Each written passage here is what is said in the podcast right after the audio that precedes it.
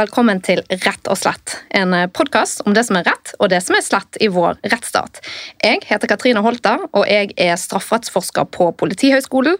Og denne podkasten er sponset av Karnov juridisk forlag. I 2005 så ble åtte år gamle Kristoffer funnet død i sengen sin. Seinere ble stefaren hans dømt for legemsbeskadigelse med døden til følge, og mor ble dømt for passiv medvirkning, dvs. Si for å bidra til at denne mishandlingen kunne skje ved ikke å ha grepet inn. Saken rystet Norge, og den ble etter hvert et nasjonalt symbol på systemsvikt og vold mot barn. Saken ble nok også et veiskille når det gjelder varsling til barnevernet ved mistanke om barnemishandling. For i dag har både offentlige tjenestepersoner og de fleste andre nok en langt større bevissthet om viktigheten av å melde fra til barnevernet om mulig omsorgssvikt. De fleste vil tenke at det er bedre å melde en gang for mye enn en gang for lite. Men er nå alle problemer løst? Eller har vi havnet i den motsatte grøftekanten? For eh, denne høsten har vi kunnet lese om barnefamilier som har opplevd at skole sender bekymringsmelding til barnevernet utelukkende fordi de er sønn eller datter lider av skolevegring. Det har òg skjedd i saker der familien er i dialog med skolen om problemene. Grunnløse meldinger har en kostnad for familiene, men også for de barna som risikerer å drukne i saksmengden hos barnevernet. Og I september i år så gikk barne- og familieminister Kjersti Toppe ut i media og beklaget til foreldrene. Det er trist at de har måttet oppleve dette. Det de har blitt utsatt for, har vært en stor feil. Langt tydeligere kan det vel neppe sies. I dag så lurer jeg på når skal man melde sin bekymring til barnevernet? Og vil flere meldinger til barnevernet sikre at barn i risikosituasjoner fanges opp? I studio har jeg fått med jusprofessor Bente Onstad. Hun er ansatt på Høgskolen Innlandet, der hun tidligere òg har vært rektor. Og hun var sentral i etableringen av jusutdanningen på Lillehammer. Bente er ekspert på forvaltningsrett, helserett og velferdsrett. Og hun har vært med i flere lovutredninger innen denne type temaer. Hun har òg jobbet mye med tematikk som gjelder barnevernet. Hjertelig velkommen til Rett og slett. Tusen takk. Kan du starte med å fortelle litt om Kristoffer-saken? Ja, Kristoffer-saken den eh, var en uh, alvorlig sak som innebar mishandling. Uh, uh, og, og stefaren blir jo dømt for dette i 2008. Nå kjenner jeg ikke saken i detalj, men det som i hvert fall kom fram under saken og i tiden etterpå, var jo at Eh, skolen hadde mistenkt at eh, han var utsatt for mishandling.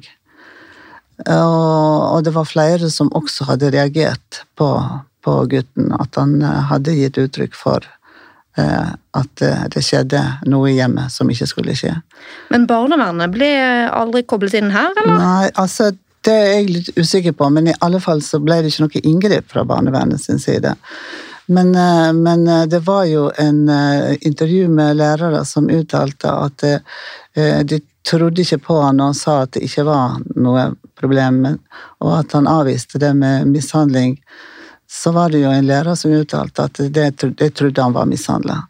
Og, og, og da burde de ha meldt fra til barnevernet. For dette var jo en gutt som dukket opp på skolen med synlige blåmerker mm. i, i, ansiktet og på kroppen.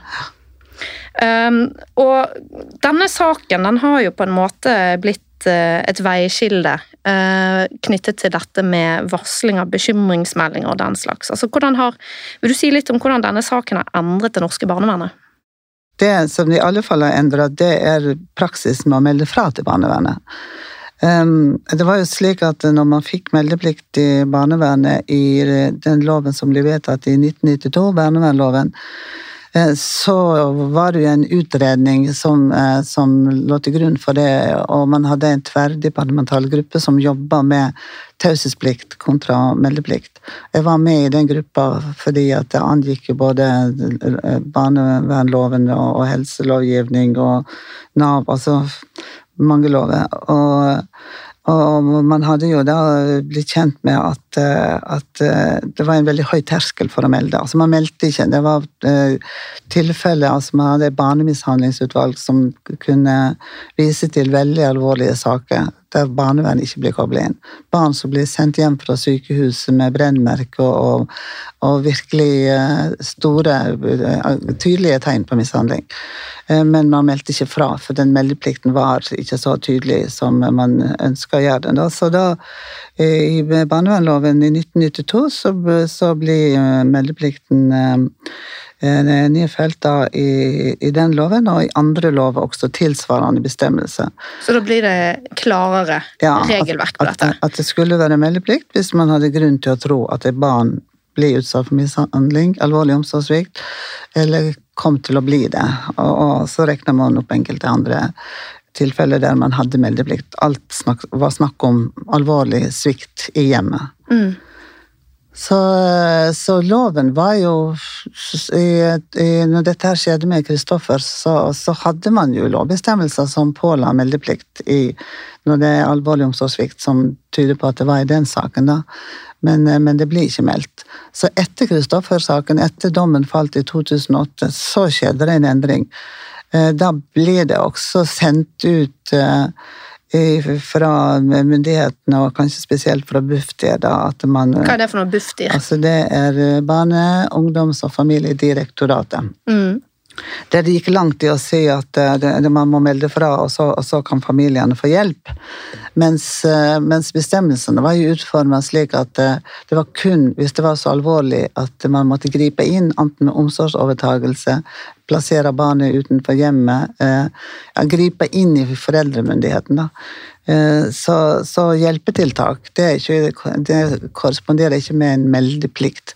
Og all hjelp skal jo være basert på frivillighet. Og det er jo hele velferdsstaten og velferdsretten bygger jo på frivillighet og medvirkning, deltakelse. Altså man bruker Bruk av tvang, den, den terskelen skal være høy.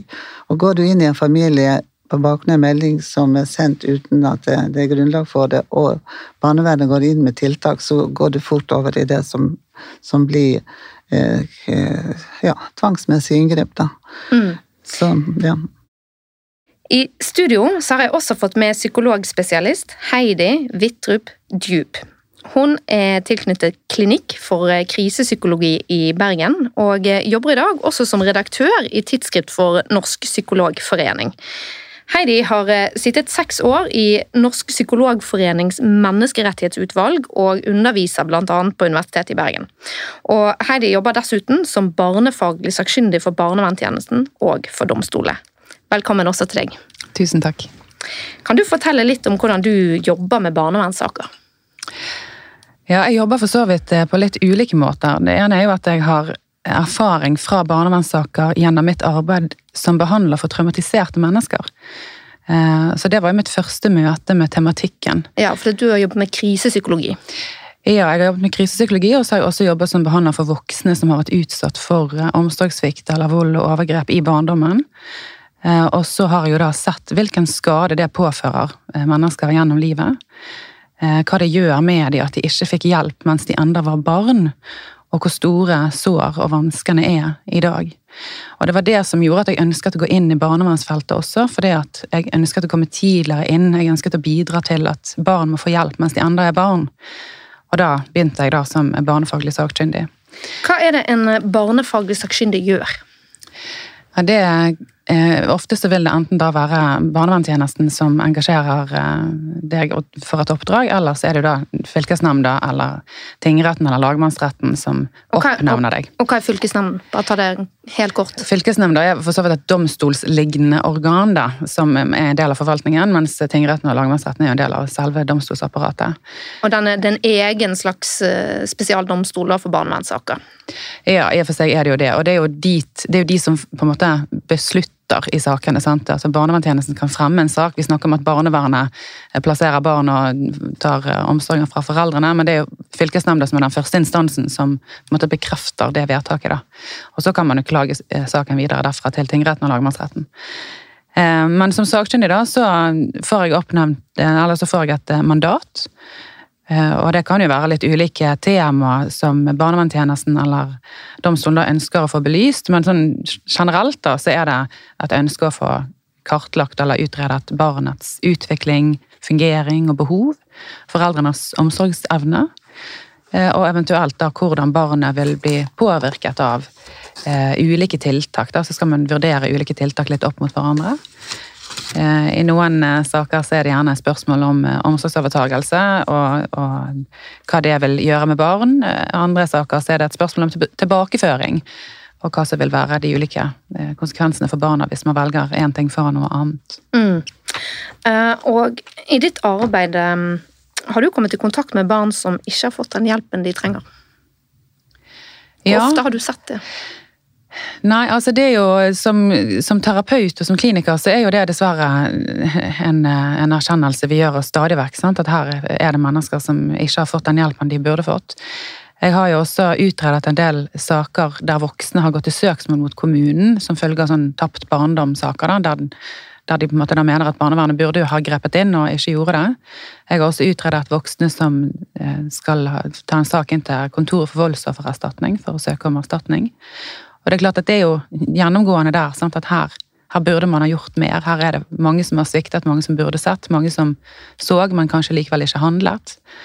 Eh, og det samme vil jo være sant i noen av disse barnevernssakene òg, der man har hatt eh, Man har kanskje ventet altfor lenge, da.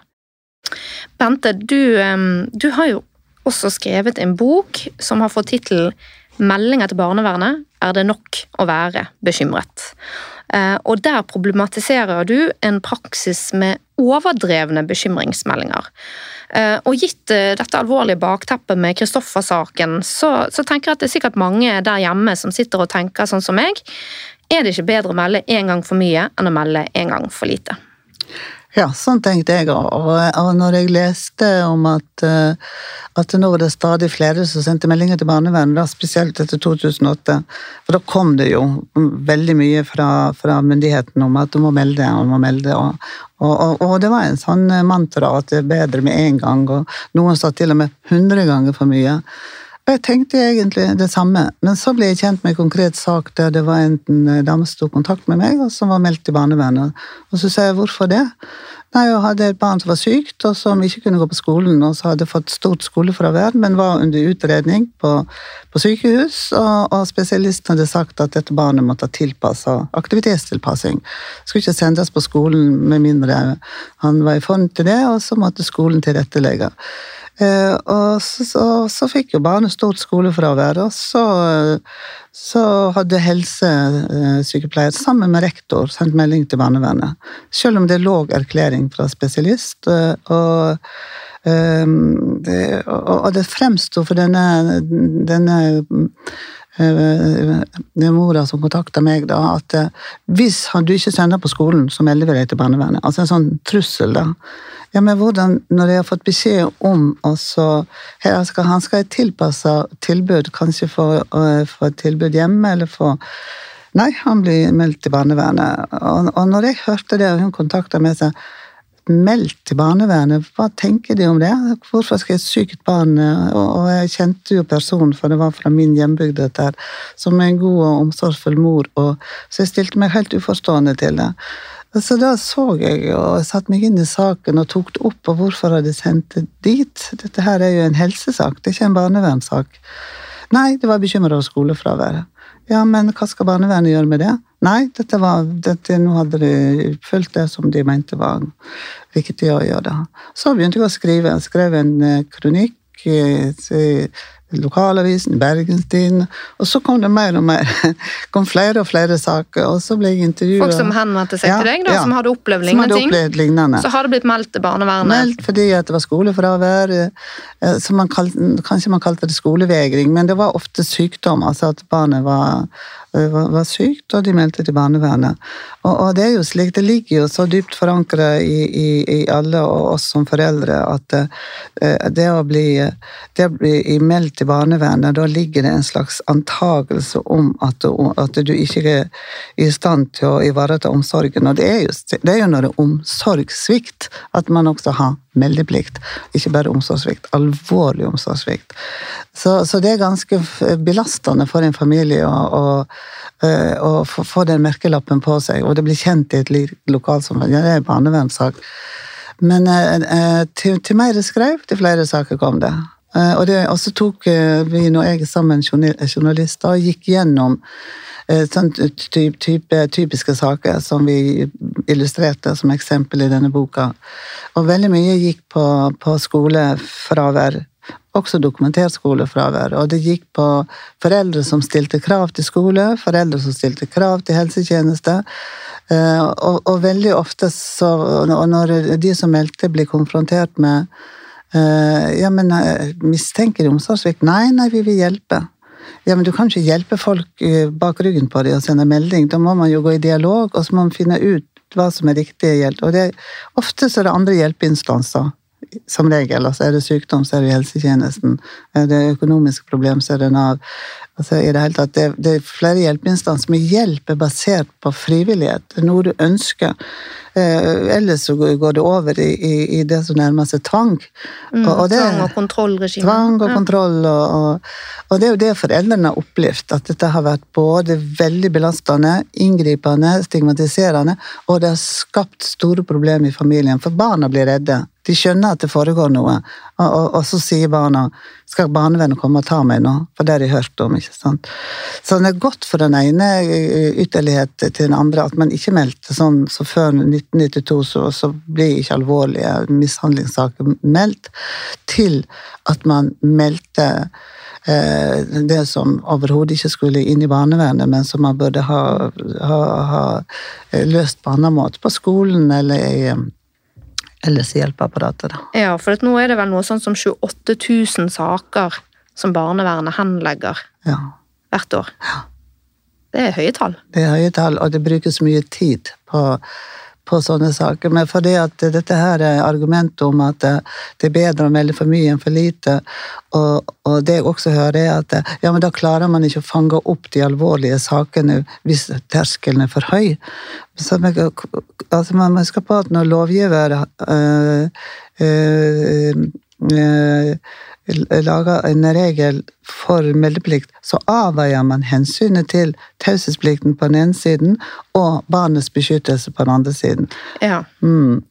Og Derfor så la man lista ganske høyt for at opplysningsplikten og meldeplikten skulle inntre, men hvis man først hadde mis tanke om alvorlig omsorgssvikt, så skulle terskelen være lav for å melde.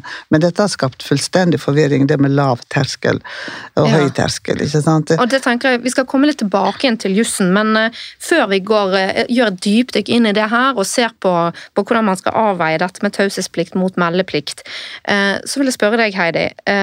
For vi snakket litt sammen på forhånd under forberedelsen til denne episoden, og du fortalte meg at du har hatt en slags personlig reise på dette temaet her, der du har gått fra at man fra å tenke at man kan aldri melde for ofte, til nå å være opptatt av å unngå overdrevne meldinger. Um, vil du fortelle til lytterne av rett og slett um, litt hvordan denne erkjennelsesprosessen har forløpt hos deg? Altså jeg tror det har handlet veldig om nettopp at alvoret har vært så enormt stort i de sakene som jeg har vært borti. Sant? Særlig det å møte konsekvensene i de voksne, sant? som jeg sa i sted, som ikke fikk hjelp mens de fortsatt var barn. Eh, sånn at, og jeg har nok òg hatt en veldig sånn naiv tiltro til at hvis det først er blitt en sak, og særlig hvis man på en måte har hatt den gjennom fylkesnemnda og i tingretten, sånn, så, er det, så er det riktig. Jeg har hatt en veldig stor tro på at systemene i Norge de er så gode. Og jeg har også vært veldig sånn stolt over barns rettigheter i Norge, hvor, hvor sterkt vern de har. Sånn at jeg, jeg, tror at eh, jeg var nok litt naiv, men, men jeg var nok òg veldig preget av alvoret i de sakene. Og så begynte jeg som sakkyndig, og så begynner jeg etter hvert å se at men her har, det blitt, har det blitt verre etter barnevernet kom inn.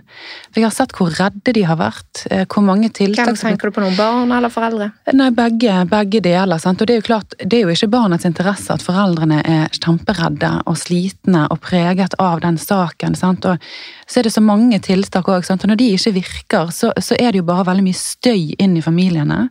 Og så skaper det òg, som vi kan sikkert komme litt mer inn på, sant? men med en gang det er blitt en barnevernssak, så ser man gjerne at andre aktører som kanskje er mer, altså bedre rigger til å hjelpe, da, de trekker seg litt vekk. Sant? Altså Helsesykepleieren, som kanskje var veldig viktig, og hun blir stående og vente litt i påvente av at barnevernssaken skal utredes ferdig, eller, eller, man begynner å tro at 'oi, har jeg gått glipp av noe, er det noe jeg ikke har sett'? Sånn at hjelpen som faktisk kanskje virket, stopper helt opp. Eh, eller saken dreier seg over i et annet spor.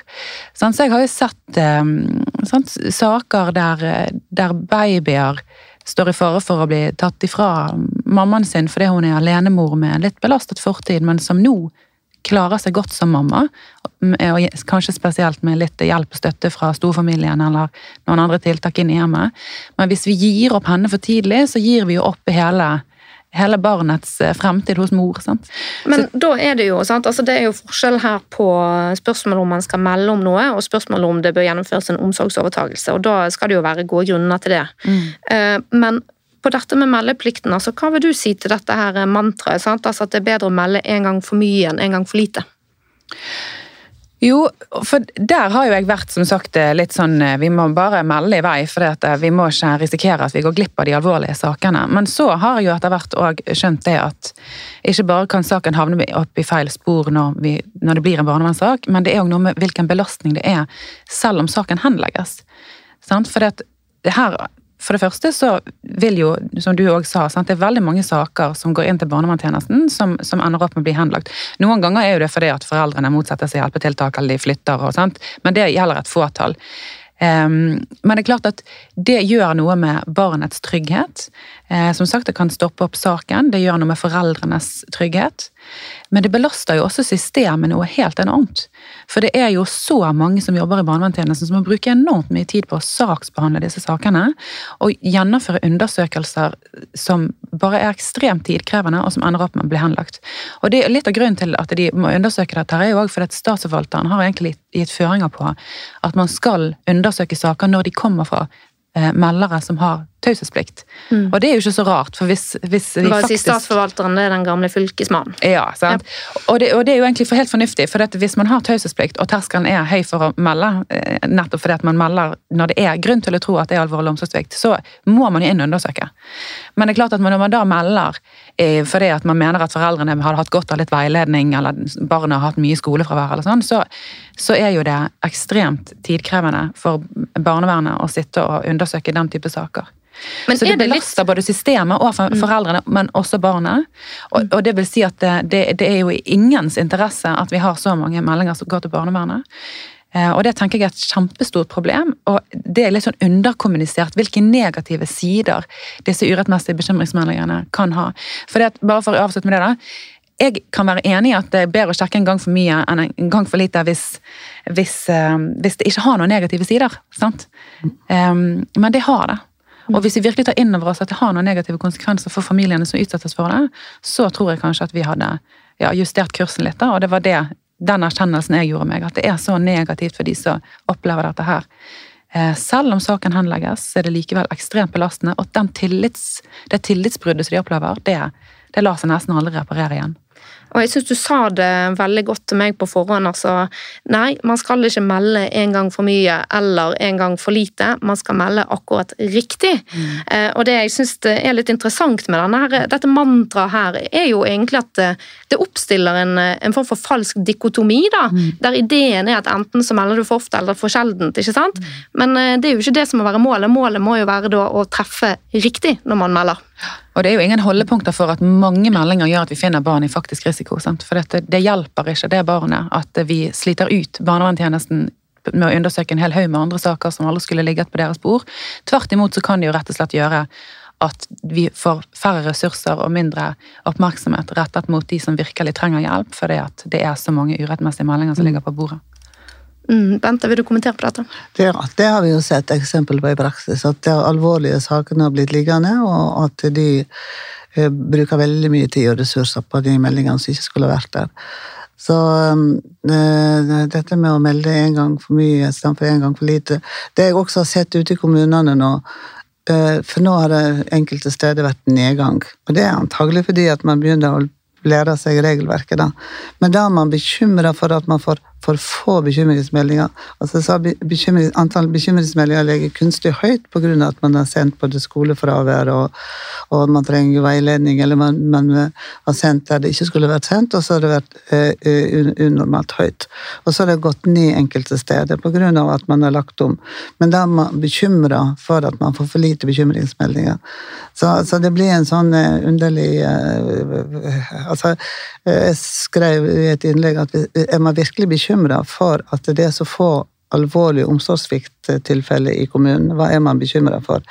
Eh, man kan ikke være bekymra for at eh, meldinger som ikke har noe i barnevernet å gjøre, at de uteblir. Det må jo være en fordel. Eh, og man har jo brukt også dette her med oppvekst, at man skal ha en oppvekstreform. Og da er det veldig viktig å sende meldinger til barnevernet. Enkelte kommuner som har sagt Nei, det er ikke det som er viktig. Det som er viktig, er å forebygge og hindre at, at det blir barnevernssaker. Og ha et hjelpeapparat som samarbeider godt. Mm. Heidi? Ja, og det er jo også litt eh, Jeg og Bente har jo snakket litt sammen om eh, dette her, for vi gjør oss noen erfaringer av og til når vi er rundt og underviser om dette her, blant annet, eller snakker med andre fagfolk om dette med meldeplikt og taushetsplikt og forholdet mellom de to eh, sidene. da. Og det er jo, Motargumentet er jo gjerne litt sånn Ja, men hva med de som, hva med de barna som virkelig er nød, eller hva med de barna som forteller om alvorlige ting i hjemmet, eller hva, hva, med de sakene der? Sant? Og så kommer det en del eksempler som, som egentlig er jo akkurat midt i kjernen av det vi snakker om. Ja, de sakene skal jo Man skal jo fortsatt melde. Vi har jo ikke noen agenda om at vi skal fjerne eh, meldinger til barnevernet, og det er heller ikke et mål i seg selv med få meldinger til barnevernet. Det må gjerne være mange meldinger til barnevernet hvis de er riktige, og hvis de er forankret i loven, og hvis det er faktisk grunn til å tro. Og så er det òg viktig å si at det er ikke sånn at melderen må være helt sikker på at det foreligger alvorlig omsorgssvikt. De må ha grunn til å tro at det er alvorlig. Så det er graden av alvorlighet vi er ute etter å, snakke om, og ikke graden av sikkerhet. For det, det kan jo gjerne vise seg at det var, det var ikke sånn.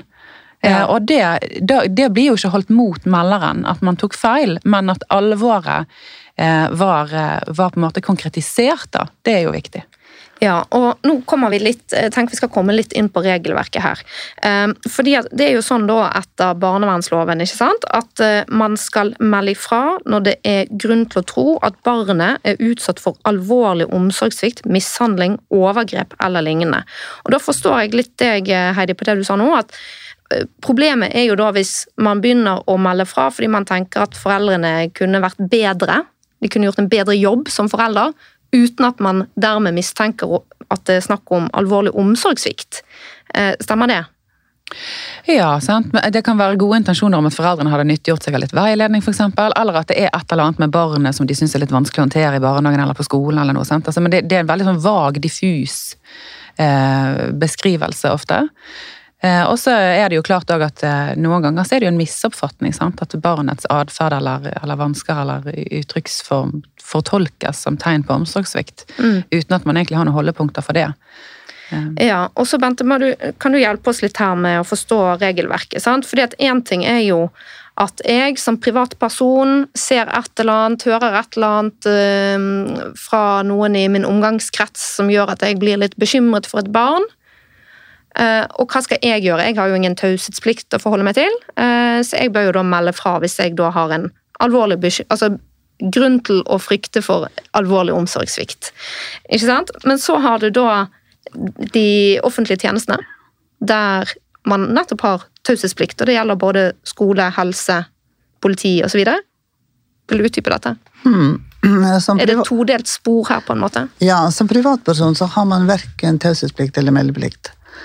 Um, man kan jo, hvis det er snakk om, uh, om avverging etter straffeloven, så er det noe annet. altså Som privatperson også, plikten til å avverge. Ja, fordi det du er inne på nå, det er at i straffeloven så har vi et eget straffebud som vi snakker om som avvergingsplikten. Mm. Det følger av straffeloven paragraf 196. Der står det altså at det er straffbart ikke å forsøke å avverge grov mishandling og lignende ved anmeldelse eller på annet vis hvis det fremstår som sikkert eller mest sannsynlig at lovbruddet er eller vil bli begått. Mm. Jeg tror det er et straffebud som kanskje ikke så mange kjenner til fra før, men det er altså sånn at hvis du der ute blir klar over at noen skal til å gjøre noe veldig alvorlig straffbart mot noen, så har man da eh, faktisk, kan man faktisk straffes hvis man ikke går inn og gjør det man kan for å avverge det. Så det er jo den andre siden av dette her.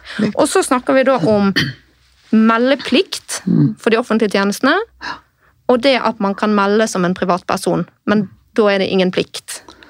Eh, På et rettslig plan, i alle fall. Kanskje en moralsk plikt. Ja, nei, det er riktig.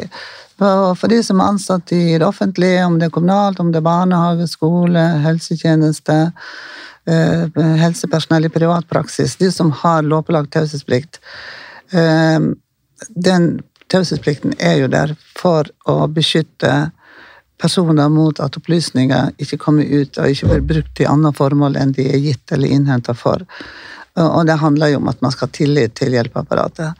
Men så har man sagt at hvis man har grunn til å tro at et barn blir utsatt for mishandling, alvorlig omsorgssvikt, eh, så overstyrer meldeplikten taushetsplikten. Så man, ja. Så her må man veie opp egentlig to ulike juridiske regler. Så på den ene siden så har du taushetsplikt også mellom de ulike etatene. ikke sant? Ja. Det er ikke sånn at staten er én person holdt det på å si, som gjør at man kan dele opplysninger med de andre delene av staten. Altså du Kommer du til én del av staten, så skal de holde på de opplysningene. ja, det er riktig. Ja, og da er meldeplikt noe som kommer inn og griper inn i dette her utgangspunktet med et unntak og sier at i visse tilfeller, hvis du har grunn til å tro alvorlig omsorgssvikt, så er det likevel sånn at du plikter å bryte taushetsplikten og dele informasjon. Og der har lovgivere avveid ulike hensyn. Altså hensynet til privatlivets fred og hensynet til den konfidensialiteten du har krav på når du oppsøker personer som har taushetsplikt. oppsøke for å få hjelp, f.eks. Eh, og da skal man ta hensyn til eh, tillitsforholdet mellom den som yter hjelp og den som mottar hjelp. Men den eh, privatlivet er ikke så hellig at du i det private rom kan mishandle og utsette ungene dine for alvorlig omsorgssvikt. Da, da Blir det meldeplikt. Da, da inntrer meldeplikten. Men kan du si noe om disse taushetspliktreglene også? Altså, hva er hensynene til Hvorfor er det sånn at ikke helse og politi for eksempel, bare kan dele informasjon seg imellom?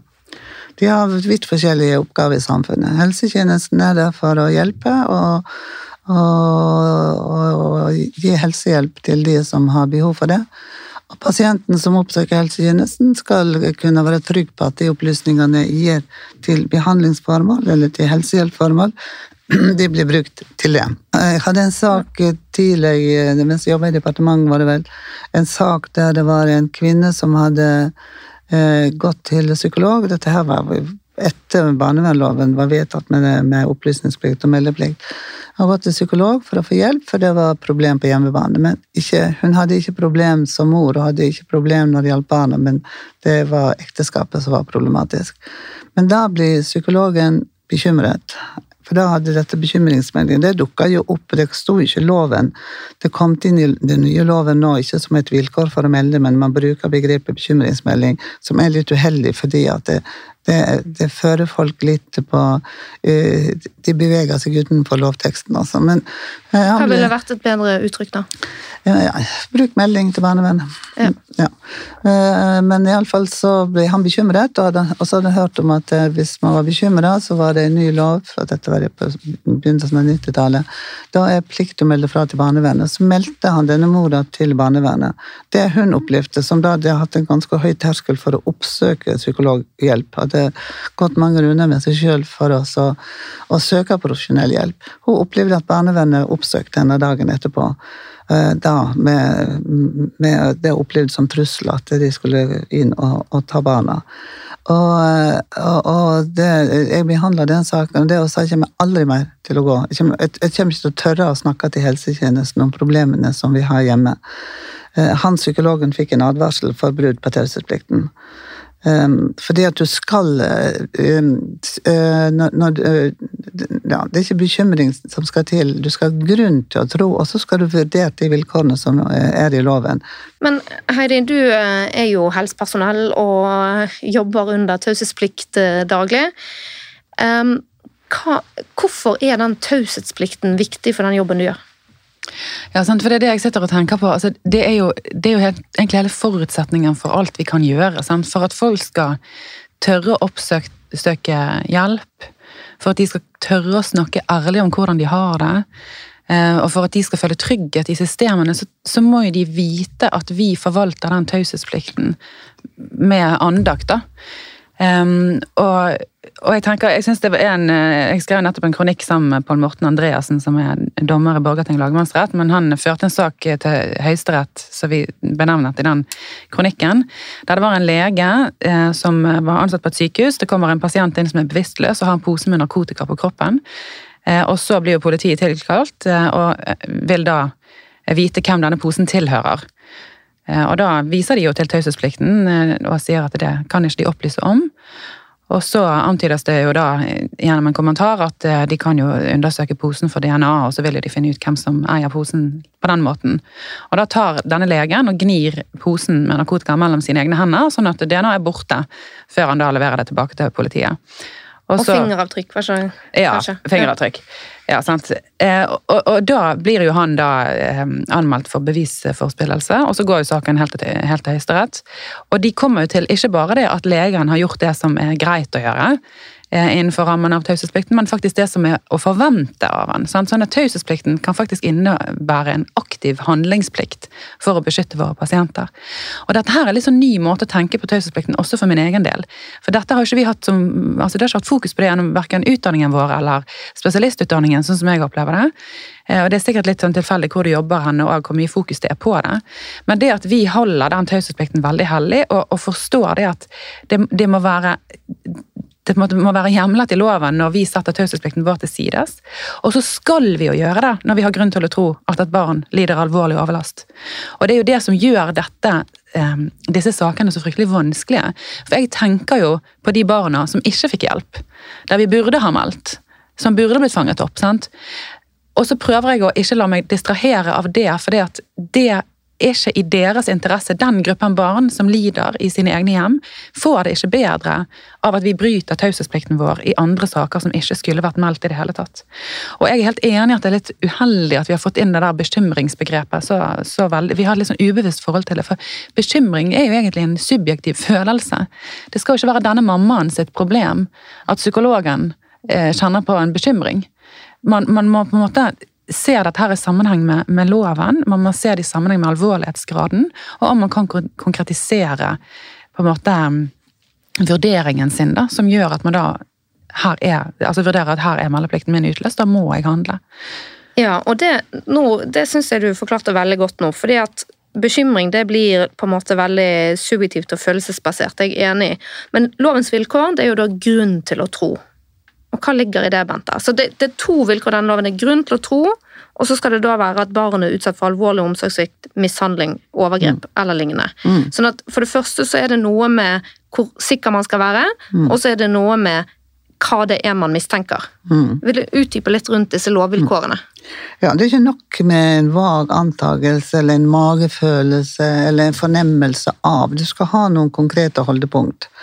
Det kan være at barnet har sagt, eller at barnet har merket som kan mistenkes å, å, å skrive seg fra mishandling. Det kan være eh, ting foreldre har sagt. Det kan være, men, og det skal man også, når man, hvis og når man sender bekymringsmelding, eh, oppgi, skrive at man har grunn til å tro at dette barnet har vært utsatt for mishandling av Ja. Ja. Men det er lavere, altså det er ikke sånn at du må tenke at det er mer sannsynlig enn ikke. Nei, Det er ikke så strengt. det er ikke så strengt.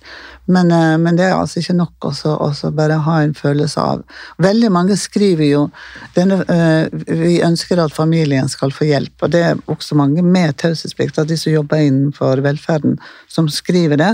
Men hvis det er snakk om hjelpetiltak, så må man huske på at det alltid basert på frivillighet. Altså Vil man hjelpe noen, så må man hjelpe dem sammen med den familien som eventuelt skal motta hjelp. da. Um, Så, så man kan ikke tvinge på folk hjelp, med mindre det er et slags inngrep i foreldremyndigheten. Eh, ja. Ja, og så er det klart at Noen ganger så vil man jo òg kunne si at her, her vurderer man at det er grunn til å tro da, at det foreligger alvorlige mangler i den daglige omsorgen. Og ut ifra en sånn tanke så kan jeg jo forstå at man da kan også skrive at man ønsker at familien skal få hjelp, for da er det jo gjerne det som også trengs. sant? Sånn at det er ikke nødvendigvis eh, sånn at man går i retning av alvorlig vold og overgrep, men at man ser at her er det så mangelfullt at eh, Men kanskje med nok kompenserende tiltak, så vil det likevel være godt nok for barna i den familien. Eh, og, det er klart at det, er fint at, at ønsket òg er at, at, foreldrene skal få hjelp, men veldig ofte da vil jo det være klokt å gå i dialog med foreldrene før den meldingen sendes. Så det er jo det som er. Altså, hvis man faktisk skal sende uten samtykke, noen ganger til og med helt uten å informere de som er hovedpersonene, så ikke bare kan de oppleve at det er et ekstremt tillitsbrudd, men det gjør jo også jobben til barnevernet veldig vanskelig. For da må de sitte og reparere på en relasjon da, før de kommer i gang med sitt arbeid. Um, sånn at det er noe med og I min erfaring så, så er, vil jo de aller fleste foreldre, hvis du går i god dialog og, og det er en trygg relasjon, så vil jo de på en måte ofte være enig i at det kan være klokt. Og da kan man jo sammen Eh, og da blir det den frivilligheten mm. som Bente er inne på. Sant? Da vil man jo sammen lete etter muligheten for hjelp. Men det er ikke sikkert at barnevernstjenesten likevel er riktig sted. For noen ganger så mistenker jeg at vi driver med litt sånn ansvarsfrasigelse, da, der vi skyver ansvar over på barnevernet, for de er der og de må på en måte ta alt. Men så er det kanskje skolen eller helsestasjonen eller psykologen som burde gjort eh, jobben sin, og ikke slått de fanget på barnevernet.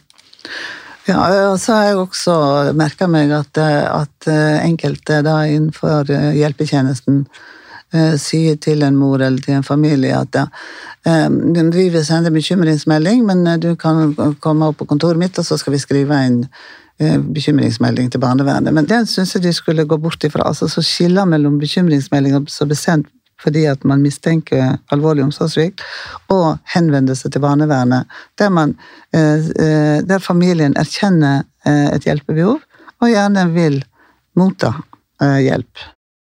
Hvor går denne grensen, altså hvis vi ser på fenomenet omsorgssvikt, mm. hvor går denne grensen mellom en som bare ikke er en sånn kjempegod forelder, og en skadelig forelder som det bør meldes mot? Ja, og det, og det, må jeg jo si altså nok en gang, altså det er jo ikke meningen at de som sender, altså at en ansatt i en barnehage eller en lærer på skolen eller en helsesykepleier i skolehelsetjenesten, så det er ikke meningen at de skal kunne dra opp disse grensene. Eh, de, de, skal ha grunn til å tro, men som sagt, de skal ikke vite, de skal heller ikke utrede saken. Men det er klart at det er jo vanskelig å sette et tydelig skille, men vi har jo heldigvis i Norge så har vi utrolig mye kunnskap om hva som er skadelig for barn. Eh, det har vi gjennom forskning, det har vi gjennom erfaring. Og fysisk vold er én ting, overgrep. Psykisk vold, mobbing og trakassering og latterliggjøring over tid. Neglekt, store mangler i den daglige omsorgen. Altså, dette kan vi jo veldig mye om. Men vi har ikke like mye grunnlag for å si at svak på en måte emosjonell kontakt makt. altså disse litt, begynner å bevege oss litt mer ut på det som er vanskeligere å definere. Ja, for Det, det er, jo et sånn typisk barnevernsord som man leser i barnevernsvedtak. altså mm. Den svake emosjonelle kontakten mellom foreldre og barn. Ja, foreldre har svak mentaliseringsevne, vi snakker om tilknytningen. Hva betyr det? Svak mentaliseringsevne? Ja, nettopp. Hva betyr det? Sant? For det at vi kan, sant, Mentalisering, sant, evnen til å se barnet fra innsiden, se seg selv fra utsiden, det å komme i forkant og fortolke barnet på riktig måte, være sensitiv i samspillet. Altså Det er mange fine formuleringer, men det er likevel ikke så lett å konkretisere alt det. Og så er det noe med å ta en liten fot i bakken på hva vet vi om hvor skadelig dette her faktisk vil være. For det at vi skal jo tenke at det skal være godt nok. Eh, det skal ikke være optimalt, for det første. For det andre så må vi òg ta inn Hvorfor det? Hvorfor skal ikke vi forvente det optimale? For det første så vil det jo ikke være enighet om hva som er optimalt. Eh, for det andre så må vi jo også huske på at barn og foreldre de tåler jo at det oppstår utfordringer i relasjonen som man også skal lære seg å reparere. Og det, jo, det skjer jo masse ting innenfor husets fire vegger som, som, barn både tåler, og som foreldrene tar ansvar for, og som de snakker om. Som, altså det kan skje en del ugreie ting innenfor husets fire vegger. Nå snakker jeg selvfølgelig ikke om alvorlig vold og overgrep, sant? det må jo ingen tro. Men, eh, men, jeg er jo litt redd for at hvis vi skal eh, heve terskelen så veldig for hva man forventer fra foreldre, eh, så vil det være òg veldig vanskelig for foreldre å si hva de strever med, og søke hjelp og veiledning og støtte. Men så vil vi jo også kanskje eh, tro at barn tåler fryktelig lite, da. Og det er jo ikke sant. Uten at det skal rettferdiggjøre skadelige omsorgspraksiser. Jeg må bare understreke det igjen og igjen, for det er det som jeg synes er ubehagelig med å sitte og snakke om dette her, er at jeg forventer at noen sitter og hører og tenker at vi ikke tar barna på alvor, at vi har mistet gangsynet på hvordan dette er for barna, vi er bare opptatt av foreldrene skal ha det bra. Jeg, jeg er veldig opptatt av barn. Det er barna jeg er opptatt av. Men for, for, å si det sånn, Noen sier sånn at ja, men foreldrene må tåle å bli tråkket litt på tærne av hensyn til barna. Ja, men det er jo ikke å bli tråkket på tærne vi snakker om. Nå fikk vi nettopp en dom mot en kommune i Nordland for brudd på Den europeiske menneskerettighetskonvensjonen som følge av en akuttplassering. Og hva hadde skjedd der? Jo, en slags... Akuttplassering betyr da at man tar barnet ut av eh, hjemmet, og det skjer i en, liksom, i en kritisk fase, da. Ja, det skal i hvert fall skje i en kritisk fase, men det er jo Det kan vi snakke om òg, tror jeg. Den saken der, sant. Da er det en sakkyndig psykolog som sender en, en melding til barnevernstjenesten. Så går det en ukes tid, og så våkner denne familien av at politiet kommer og tar barna, plasserer de på hemmelig adresse på en institusjon, og det tar tolv dager før barnet er tilbake igjen. Så det er ikke å bli tråkket på tærne. Det er kjempealvorlig for barna. Eh, altså, jeg tror at hvis, hvis lyttere som har barn, som kjenner barn, eller som selv har vært barn, tenker gjennom hva det gjør med et barn å bli hentet av politi tidlig, sant? Og plassert, og du vet ikke hvorfor. Du vet ikke når du skal få treffe mamma og pappa igjen. Ingenting. Eh, og hva det gjør med foreldre. Og det er jo ikke sånn at når man da blir gjenforent igjen etter tolv dager, at man bare slår en strek over det, og så går man videre. For nå ble vi trakket litt på tærne. Eh, det, det, det kan sette eh, spor i den familien som aldri helt forsvinner. Man blir jo kjemperedd. Jeg snakker jo med folk som forteller at altså de, de, har jo symptomer på at de er alvorlig traumatisert som følge av disse hendelsene. Og det er jo selvfølgelig heldigvis ikke sånn at de fleste bekymringsmeldinger ender opp der, som vi har hørt deg si allerede. Så er det jo tusenvis som bare henlegges. Men det er jo det som står på spill her. sant? Og det er som sagt ikke å bli tråkket på tærne. Det er kjempealvorlig, og det hjelper ikke de barna som lever med, enorme, eh, med, med enorm omsorgssvikt.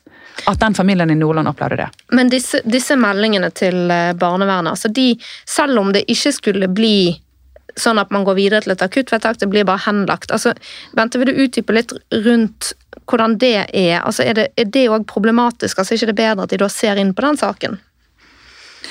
Hvis familien er meldt da på, på et, eh, en generell bekymring der man egentlig ikke Det ser jeg jo av mange meldinger, man har, ikke, man har ikke vurdert vilkårene. Man skriver kanskje likt og ulikt i en sånn bekymring hva man er bekymret for. Eh, og familien da får en henvendelse fra barnevernet, eh, og kanskje da med hjemmebesøk. Kanskje skal snakke med barn i enerom. Så en, da har man gått over ei grense inn i familien, og da føler man seg eh, Da er man satt under en slags ja, justis som man frykter, altså. Foreldre blir veldig berørt av det. og og barna blir berørt av det, og, og barna har da en forestilling om at uh, nå kommer de og tar oss. Det er veldig mange av de sakene jeg har vært borti, at skal de, skal de hente oss? Det har jeg hørt om, om sånne tilfeller. Så, så, Derfor er det så viktig at de som uh, har med barn å gjøre, og foreldre, å observere uh, situasjonen og tenke at det her hadde det kanskje vært greit med veiledning og, og litt hjelp, ja, så hjelp. Søk hjelp i samråd med familien, og gjerne søk barnevern om hjelp. Men barnevernet skal da være en hjelpeinstans, og det er noe med, med Ja, for hva ligger i det? Sant? For det, um, det er jo òg sånn at barnevernet har en hjelpeplikt. Hva går det ut på? Det er den primære, og det husker jeg diskusjonen når barnevernloven ble vedtatt i 92, at det skulle være en lav terskel for hjelp, og familier skulle kunne henvende seg. Og menyliste kunne være lang. Men nå skal ikke barnevernet bare være en kontrollinstans? Nei, primært en hjelpeinstans. Mm. Og så har det blitt mer og mer fokus på kontroll, syns jeg, da. Altså inntrykk, Mitt etterlatte inntrykk etter å ha vært gjennom mange saker, det er at, det, at man eh, kaller også en henvendelse om hjelp for bekymringsmelding, altså det med kategorisert som bekymringsmelding, og så har man en, en sånn eh, da, da, settes det i gang en uh, prosess uh, som familien uh, veldig ofte opplever så invaderende og, og belastende og krenkende, og, og stigmatiserende. Og, og der man eh, eh, Ja, da føler man at man er kommet inn under et, et, et tilsyn som har myndighet til å gjøre ting som griper inn, og kanskje til og med med at barna skulle ut av hjemmet. Det har vært eksempel på at foreldre med ME-syke barn, altså barn som ikke har klart å, å bevege seg ut på å ligge i et mørkt rom, at politiet, ikke barnevern, men etter oppfordring fra barnevernet, at politiet kommer og henter. Og sånt er jo det er dramatisk og traumatisk og, og vanskelig å reparere i ettertid. Altså. Mm. Så det, denne der grensen mellom når er du en hjelper, og når er du en som kommer med makt, den bør man være mye mer bevisst på. For det er lav terskel for å hjelpe, det er høy terskel for å gripe inn. At du gjør noe mot familiens ønske, og som de opplever som invaderende og kanskje også krenkende. Man skal være oppmerksom på det. altså. Men eh, det er sikkert flere lyttere her som tenker litt sånn at um, Og som lurer på i hvilke situasjoner, hva er det jeg skal se etter, hvilke symptomer er det jeg skal se etter, og når er det jeg skal, som privatperson, melde fra en bekymring til barnevernet? Heidi, vil du uh, kanskje begynne med litt um, symptomene? Ja, altså, Hva jeg, er symptomer på alvorlig omsorgssvikt? Ja, men Det er jo nettopp det. da. Hadde, kunnet, hadde jeg kunnet gi deg noen, eh, noen, stikkord her nå, så hadde vi jo hatt en litt annen diskusjon, tror jeg. For det er jo ikke så enkelt. Um, for det første så er jeg litt sånn usikker på om jeg er enig i at vi skal gå rundt og leite etter symptomer og se etter ting. Um, jeg, jeg, det, det, man risikerer jo at man ser eh, omsorgssvikt og traumer der det ikke finnes. På høylysdag. Rett og slett på høylysdag. Eh, for eksempel så er det jo ganske mye som kan ligne på traumatisering, men som ikke er det. Sant? Det kan være et barn som eh, har noe sant? ADHD, det kan være autismespekter, eh, det kan, det, kan, være andre ting. Og så fortolker vi det inn i en omsorgssviktskontekst. Og det kan jo være riktig òg. Det kan jo faktisk være begge deler. Og så kan det være traumer, og så kan det være noe helt annet. Um, og jeg mener jo at det, som, som, privatperson så er jo det helt umulig å, å, ta sånne type vurderinger. Det er jo til og med vanskelig for fagpersoner å gjøre, selv om de er inne i saken. Men kanskje vi kan begynne i motsatt ende, da. Altså Hvilke situasjoner er det åpenbart grunn til å melde fra i? Det er jo de gangene der du som fagperson mener at du har grunn til å vurdere at her er det noe som eh, virkelig er alvorlig. Og for mann eller kvinne i gaten? Det, som ikke har den kompetansen? Hva er Nei, rådet? Altså, rådet først og fremst er jo herlighet, snakk med barnet, da. Altså, Hvorfor skal vi gå rett til barnevernet? Snakk med barnet. Kanskje du til og med kan snakke med foreldrene. sant? Snakk med barnet. Jeg legger merke til at du går mye Du var nå så veldig tynnkledd. Eh, altså, gå i dialog. Ta litt ansvar for barnet. Jeg er jo redd for at vi begynner å profesjonalisere altfor mye i, i, landet vårt eller i samfunnet vårt. Sant? At Der har vi mye å lære fra andre kulturer. Sant? Vær en, en, trygg nabo.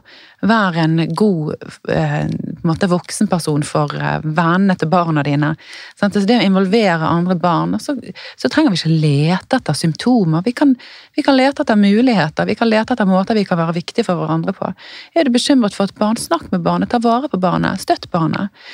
Gå i dialog med foreldrene hvis det er naturlig. Eller kanskje du får en litt dårlig følelse. Merker at disse foreldrene, det er et eller annet med de ok, snakk med noen andre foreldre som du stoler på, ikke for å spre rykter og sitte og baksnakke, men for å liksom, hva, hva, tenker du om dette her? Kanskje man eventuelt kan ta kontakt med, med, med skolen for den del. Um, og selvfølgelig, hvis du ser at dette, dette her, her, er det alvorlig, dette, dette kan umulig være bra. Du ser blåmerker og Selvfølgelig. sant? Og, og jeg, som ikke som, er forenlig med å falle på sykkel. Ja, og, og, du, og noen av, av, altså Noen observerer jo ting over tid. Sant? og jeg ser, I noen av de sakene som jeg har utredet, eh, som jeg sa, disse voksne som har gått til søksmål pga. tapt barndom, sånn, så har jeg jo lest bekymringsmeldinger som har kommet inn fra naboer og fra andre foreldre. Sant? De har jo gjort ekstremt viktige eh, observasjoner som de da ønsker at barnevernet skal utrede. Og så I disse sakene som jeg har utredet, så har jo ikke det skjedd. Men jeg tror at altså, det har en veldig verdi at privatpersoner også melder og gir beskjed. For det, det kan jo heller ikke være naboens ansvar å, å, å, sørge for en god nok og trygg nok oppvekst. Og det er jo det, sant? Jeg vil ikke at denne diskusjonen vi har i dag skal bidra til at man ikke melder når man, når man virkelig er bekymret. Jeg vil at man skal være reflektert rundt hva er det vi melder. Hva er det vi er bekymret for også, ikke sant? Ikke Altså, sant? hvis du bare er bekymret for at det ikke er optimalt, Mm. så er det kanskje ikke grunn til å melde til barnevernet med det første. Og så finnes det så mange ulike oppdragerpraksiser, sant? og det skjer, eh, altså det finnes i, i vår egen, altså i majoritetskulturen, og det finnes jo også i andre kulturer som, som vi nå beriker landet vårt mer og mer, og det ser jeg jo også som, som fagperson, at det er en utrolig sånn lite kunnskap om andre måter å oppdra barn på, og så blir det mistolket, eller foreldrene blir mistenkeliggjort, eller man har en sånn fornorskningsidé da, som man da skal tre nedover hodet på folk, og, og, det er jo noe, for det, nå har vi jo snakket litt om eh, at en, en urettmessig bekymringsmelding kan ende med at den henlegges, men det kan i ytterste konsekvens ende med en, et akuttvedtak. Men det kan jo også ende med veldig mye mellom der. Sant? Alle mulige slags hjelpetiltak. Og, og det er jo ikke sikkert at det er til hjelp. Sant? For det, hvorfor skal foreldrene få veiledning, egentlig? Hva er det de skal forandre på? Hvorfor skal de endre seg? Kanskje de bare får gjøre det akkurat sånn som de gjør det. Sant? I noen saker så er jo det sant.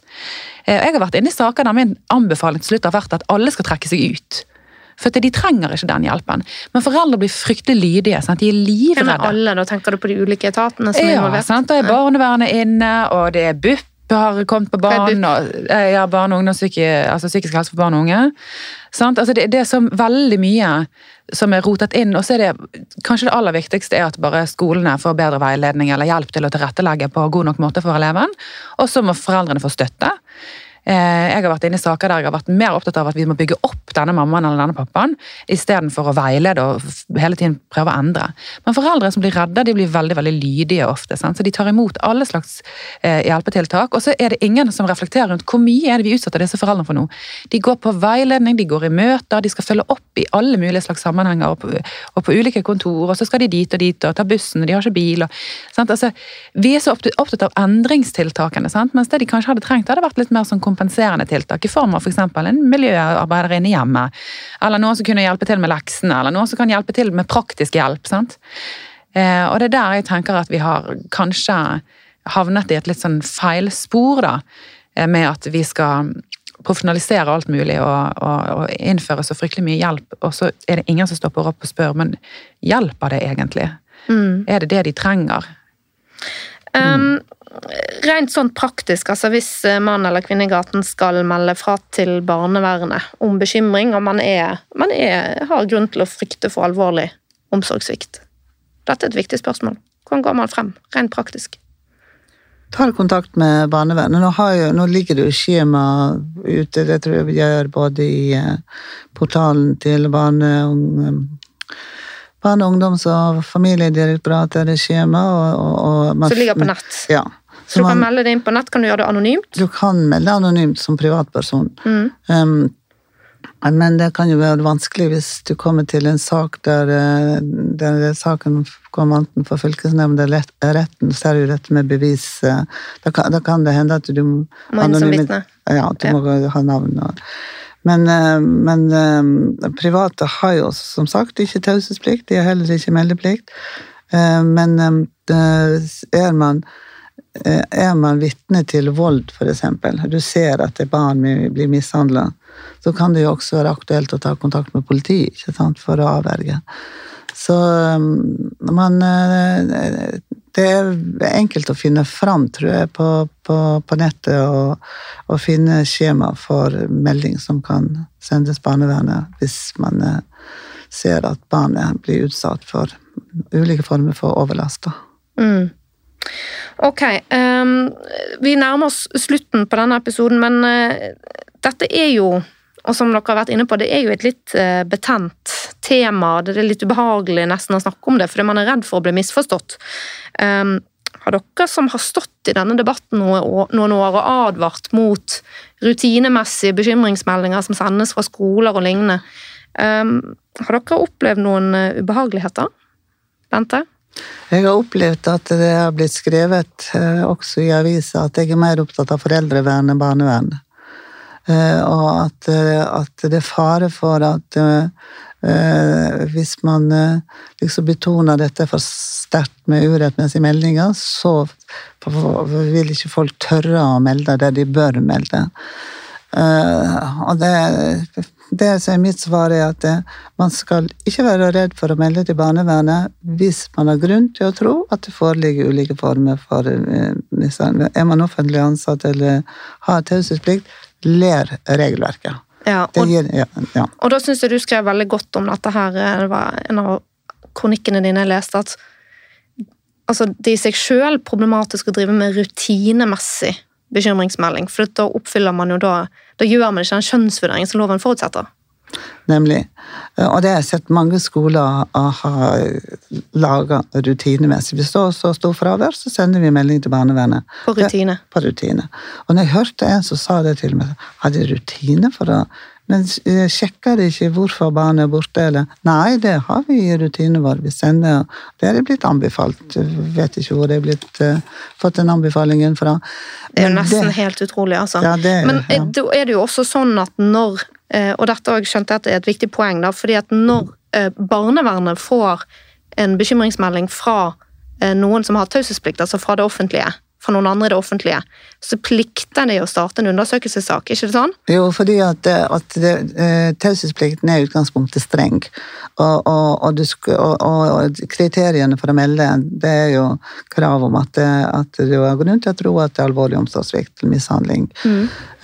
slik at eh, signalet fra det offentlige har jo da vært at kommer det, fra, kommer det til barnevernet fra personlige instanser som har lovpålagt taushetsplikt, så må man gå ut fra at det er vurdert, slik at det har funnet ut at det er grunn til å tro at det her er ett eller flere vilkår oppfylt. Men så er ikke det vurdert, slik at det blir mismatch mellom eh, det det som er intensjonen og sånn som blir praksis. ikke sant? Ja, og det betyr jo da at barnevernet blir ganske belastet, for det å starte undersøkelsessak er ressurskrevende. Har jeg forstått rett? Ja.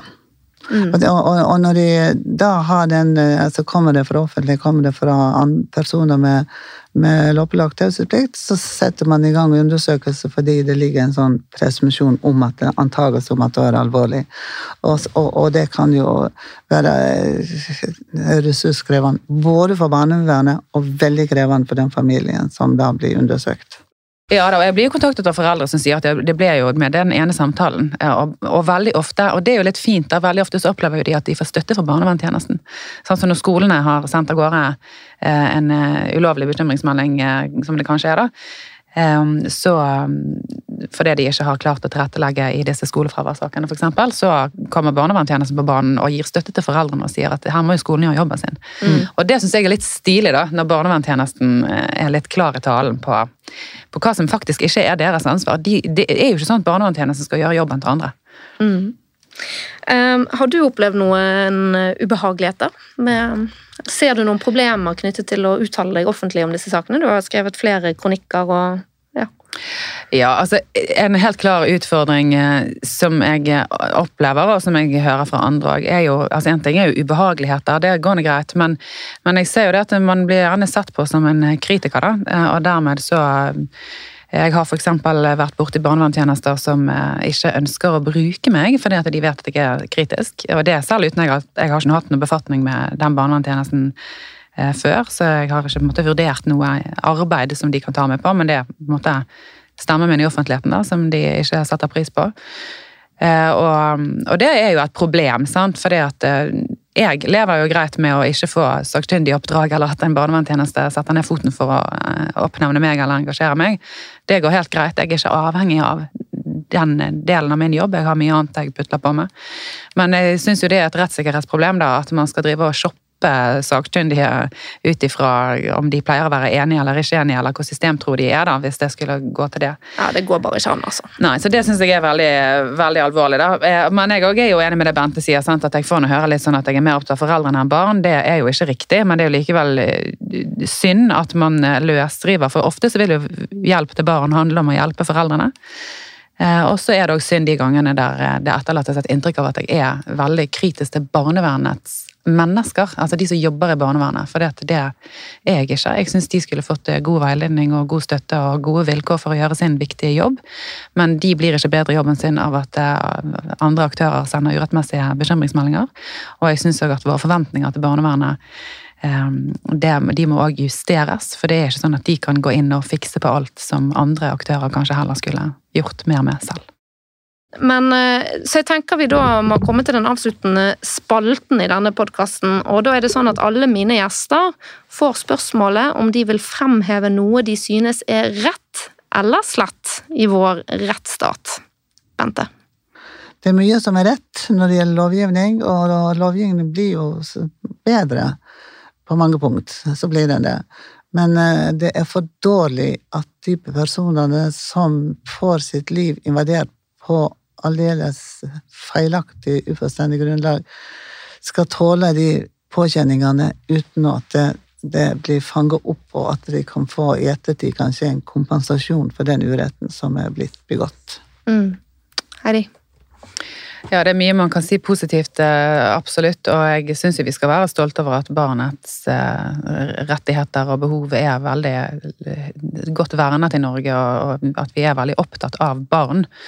Um, og så kunne jeg nok sagt en del om både salærsatsen og advokatbistand til familiene tidlig og i det hele tatt, men et, et, sånne ting tror jeg skal overlate til juristene. For det jeg har lyst til å si, er at det som er slett, og det som er farlig for sakene og for, for oss som skal jobbe i det og vurdere dette, og ikke minst for familiene selv, det er at jeg syns vi er veldig, veldig dårlige til å tåle uenighet. Jeg har vært inne i saker selv der eh, mine vurderinger som har gått imot det som barnevernet har vurdert, så har det blitt eh, bagatellisert, sett vekk ifra, avvist. Og dette er ikke på en måte unikt for mitt vedkommende, dette hører jeg fra andre også. Det er veldig vanskelig å være uenig. Um, og det å kunne ta inn uenighet og reflektere på nytt, tenke nytt, lete etter andre måter å forstå sakene på, det tror jeg er kjempeviktig. Eh, og ikke minst så må det være anledning til å også være uenige i systemet. Altså fremme systemkritikk uten at man da blir ansett som en barnevernsmotstander, eller uten å bli ilagt noen onde intensjoner. For hensikten er jo det samme. Altså, vi ønsker jo et godt vern av barn i Norge. Eh, vi ønsker å hjelpe familier i veldig mange saker så er det helt fullt mulig å gjøre hvis man gjør det på en god måte. Men da må man tåle uenighet, og man må også tåle systemkritikk, for dette er et system med veldig mye makt. Og da må man faktisk kunne ettergå det litt i sømmene og stille kritiske spørsmål, sånn at nødvendige endringer er mulig å få til. Ok, det var eh, det jeg hadde om barnevernstematikk for denne gang. Eh, jeg har lært eh, ganske mye nytt i dag, og jeg må si jeg syns jo dette er et komplekst felt. Det er mange hensyn som skal veies mot hverandre her. Tusen takk til gjestene mine her i studio, og tusen takk til dere som har lyttet på oss. Takk for i dag.